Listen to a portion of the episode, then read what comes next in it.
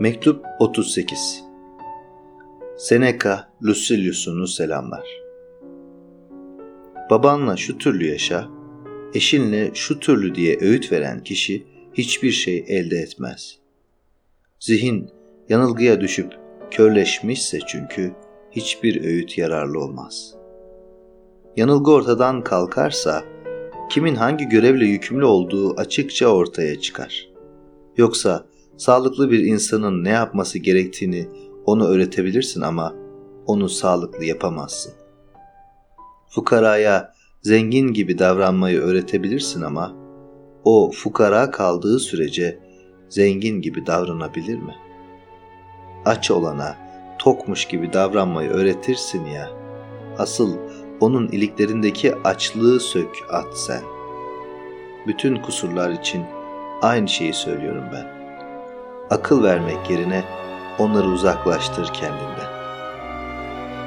Kusurlar yerinde kaldıkça neye yarar akıl vermek? Bize sıkıntı veren yanlış kanıları çıkarıp atmazsan zihninden hasis parayı nasıl kullanacağına kulak veremez. Korkak tehlikelerin nasıl hor göreceğini bilemez.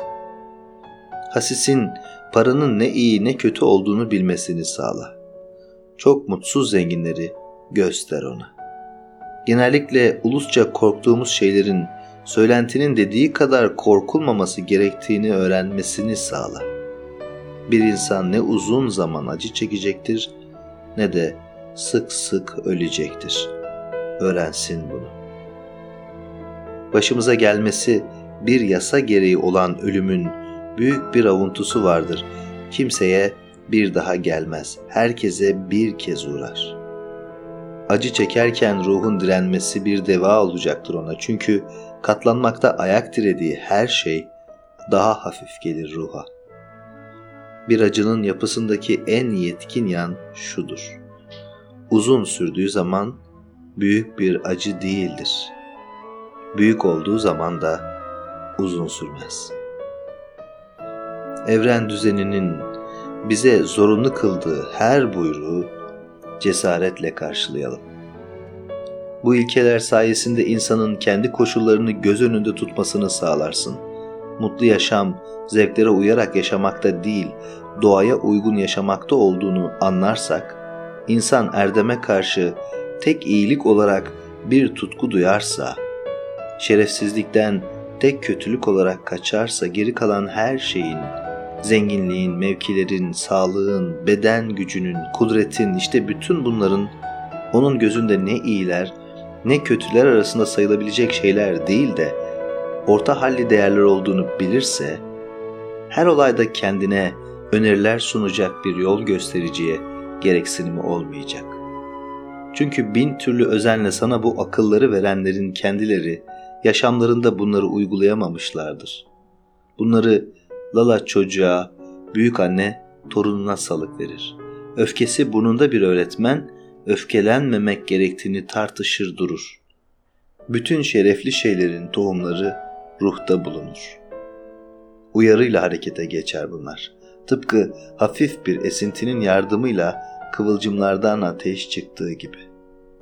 Erdem de bir dokunuştan, bir itişten çıkar.''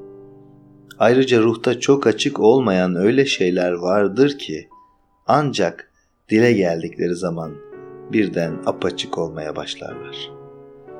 İnsanın uyarılması, iyi niyetli bir yardımcı edinmesi ve bunca sahte uğultu gürültü arasında bir tek uygun sesi dinlemesi zorunludur. Bu ses nasıl bir ses olacak? Şu olacak doğal olarak bunca ihtiras çığlıklarıyla sağırlaşan kulaklarına kurtarıcı sözler fısıldayacak olan ses diyecek ki sana, halkın büyük kutular dediği o kişileri sakın kıskanma. Alkışlar senin olgun yüreğini, ahlaksal davranışını, ruh sağlığını bozmaları için bir neden değildir ki. Herkes ona yol veriyor diye. Onu kendinden daha kutlu sayman için bir nedenin yok sana yararlı olacak, başkalarına da hiç ağır gelmeyecek bir egemenlik kurmak istersen kusurlarını sök at içinden. birçok kenti yangına vermiş yüzyıllar, kuşaklar boyu zapt edilemeyen, ayakta kalan mevzileri yerlere sermiş, hisarlar gibi setler çekmiş şaşılası yükseklikteki duvarları koç başlarıyla, makinalarıyla sarsmış çok kişi bulunabilir. Orduları önüne katıp süren, kaçan düşmanın ardına yüklenen, ulusların kanına bulanarak denize ulaşan çok kişi vardır doğru. Ama bunlar da düşmanı yenmek uğrunda aşırı isteklerine yenilmişlerdir. Bir bastırdılar mı kimse karşı koyamaz onlara ya. Kendileri de ihtirasa, vahşiliğe karşı koyamamışlardır. Başkalarını kovaladıkları sanılırken kendileri kovalanmışlardır aslında. Kötü sözlerle dolu göğsümüzü boşaltalım. Boş kalan yerine yalanlardan, gerçeğe aykırılıklardan hoşlanan her şeyi kökünden söküp atan erdemi koymalıyız ki içten gelen sağlam kanıları sağlasın bize. Bilgelik doğaya dönmektir çünkü. Genel yanılgının bizi kovduğu yeri yeniden tutmaktır. Sağlığın yarı bölümü deliliğe kışkırtanlarla ilişkiyi kesmek ve bu birleşimden bu zarardan uzaklaşmış olmaktır. Dediğimin gerçek olduğunu anlaman için her kişinin toplum için yaşadığı zaman başka, kendisi için yaşamaya başladığı zamansa başka türlü yaşadığına dikkat et. Bir köşede yaşamak insana zararsız yaşamayı öğretemez. Kır yaşamı da sade azla yetinen bir yaşamı öğretemez. Kimseye göstermeyecek olduktan sonra kim erguvan giysi giyer ki? Kim gizlice altın tabakta yemek yer? Kim kırlarda bir ağacın gölgesinde uzanıp da lüksünün görkemini sergiler? Hiç kimse kendi gözleri için pırıl pırıl parlamaz. Çok az kişi için bile hatta yakınları için bile. Çılgınlığımızın nedeni kışkırtıcı bir hayran bir suç ortağıdır. Sergileme olanağımızı yok edersen her şeye can atmamamızı sağlarsın. İhtiras ve lüks merakı gel geç arzular sergilenecek bir sahne ister.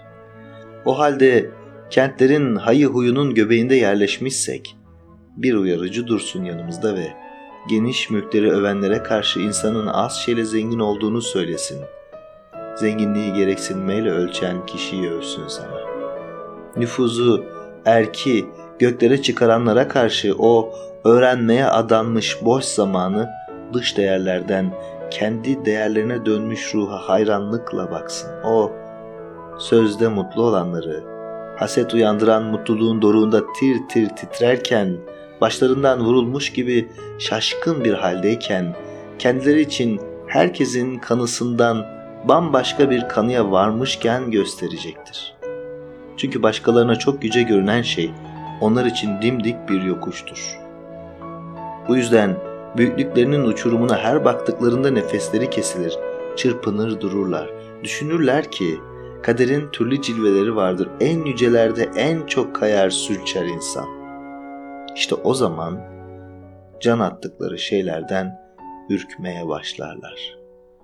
Başkalarına ağır gelen kutlulukları kendilerine daha da ağır yüklenir basar.